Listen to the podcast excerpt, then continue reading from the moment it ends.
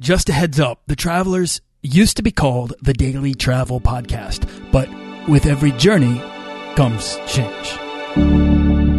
This podcast is produced by Holocene, a community of creative travelers. If you want to get serious about planning that next trip, writing that book, starting that creative project, or launching that business, we're breaking down the barriers between where you are where you want to be together at joinholocene.com. That's join, H O L O C E N E.com.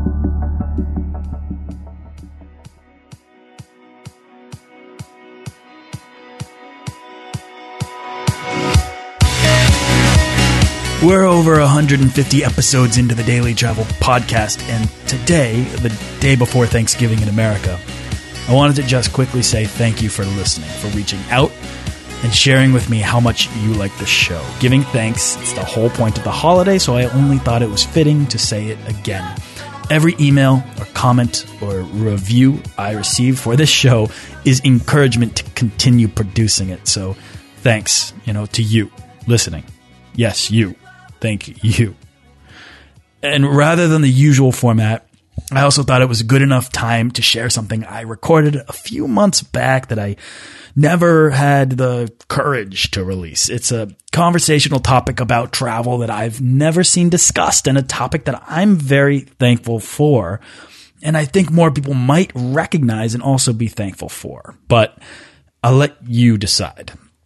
I wrote and recorded these thoughts after the school shootings in Portland, Oregon earlier this year. And a couple days ago, there were ongoing riots in Ferguson, Missouri that just made everyone I know very, very sad. And maybe I shouldn't even bring up Ferguson, but in the darker days of our country, when we can't help but look at the problems, it's easy to forget how much we have to be thankful for in society.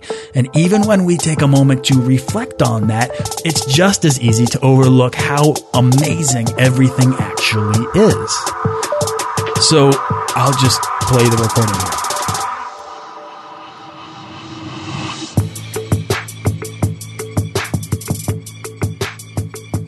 I've been thinking about this a lot lately in the wake of the school shooting in Portland because my mother made this offhand comment about the world becoming, you know, more violent. And seven years ago, a linguist and cognitive scientist and professor at Harvard University named Steven Pinker gave a talk at TED that argued against the idea that the world is going to hell.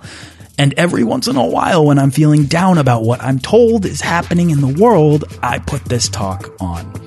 Pinker argues that contrary to what the news media might lead you to believe, we should all be throwing our arms up in the air in marvelous celebration of the way things are today. That is the most peaceful time in human existence. And it's in stark contrast to the violent lifestyles of the past, like the Middle Ages or the Dark Ages and biblical times. Statistically, Pinker says, quote, things just seem to be getting better and better. Rather than dwell on the obvious question of why are we led to believe the world is going to hell, instead Pinker wants to illuminate what we're doing right. And while that is ultimately the unanswered question he lands on, what have we been doing right? He lists a few things that might be responsible. One of those things is travel.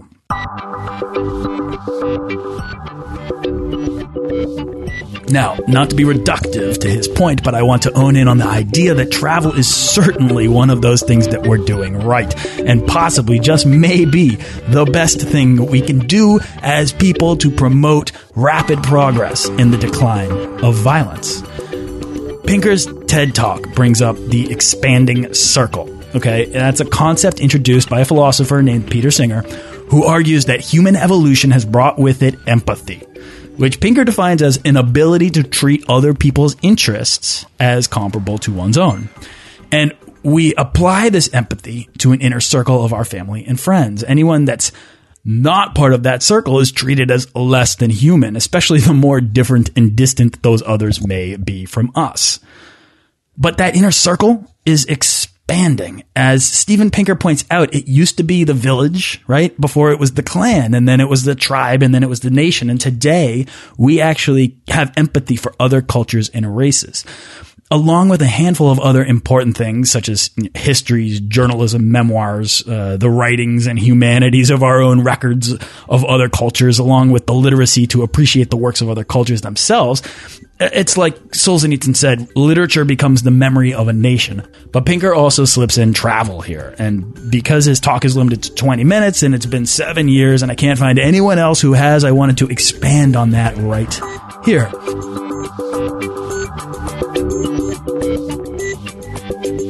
He says two things that pertain to travel's role in the decline of violence.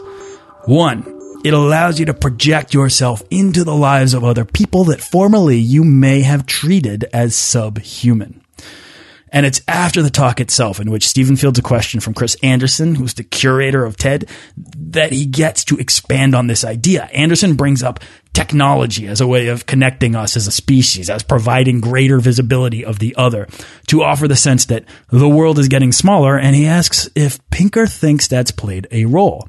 So while technology has made travel more accessible than ever, Steven's answer applies, I think, just as much to travel, since with travel, you have the opportunity to make personal or emotional connection with the other face to face rather than screen to screen, and to erode the concept that someone outside of your circle is someone you don't understand, and therefore must be less important than those who are like you within your family or friends, nation, or culture.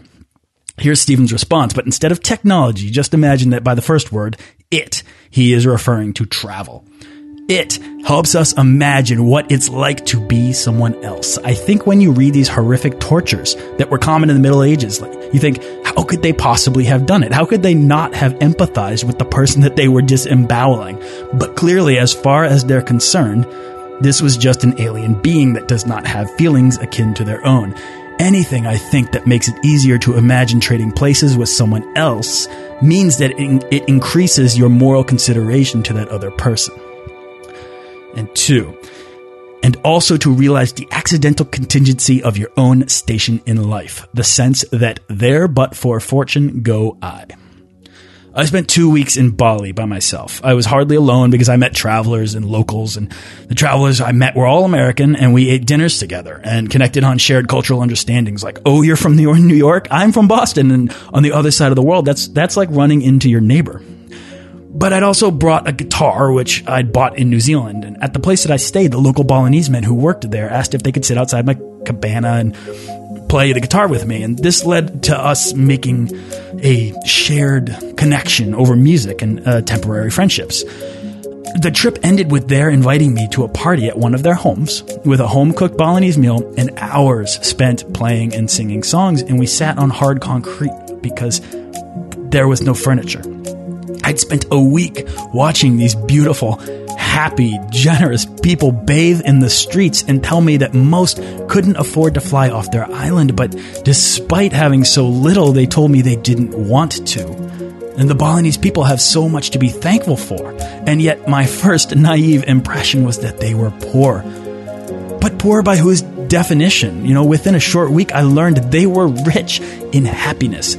I didn't want to suddenly be Balinese, but I found an unexpected appreciation for their happiness having nothing to do with things we chase to make us happy back home. Things like wealth or materialism or other people's definitions of success. Nowadays, I ask, do I need these things to make my life better?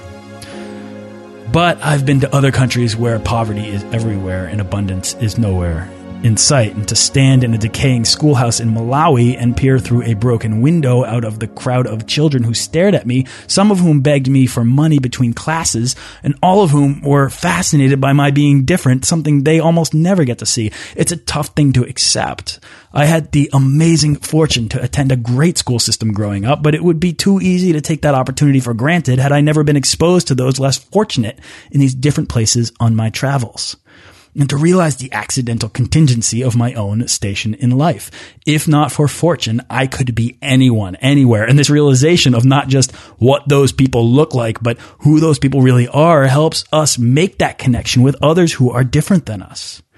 This is why travel matters and why I want to see it become a bigger part of your life. It will give you a wider perspective on others and more credible authority in topics of the world. And because the act of travel exposes greater visibility of the other, doing so will help the decline of violence in this world.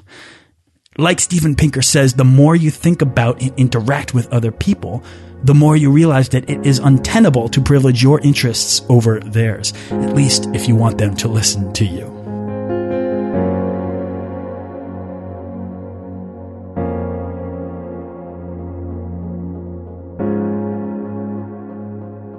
And I want to wrap up this expansion with a quote from Alexander Solzhenitsyn, the writer, because I talk some about happiness on this show, but maybe there's something more important to consider, something more rewarding.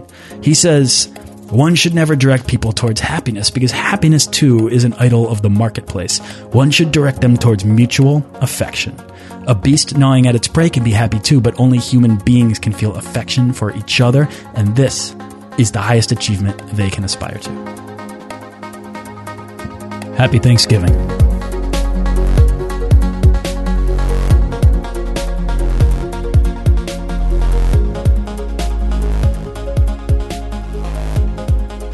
Thanks for listening to this episode of the Daily Travel Podcast. For show notes and links to everything in this episode and more, head on over to dailytravelpodcast.com. Join our Facebook page of explorers and subscribe to our newsletter for the best deals and resources to help make your next trip life changing.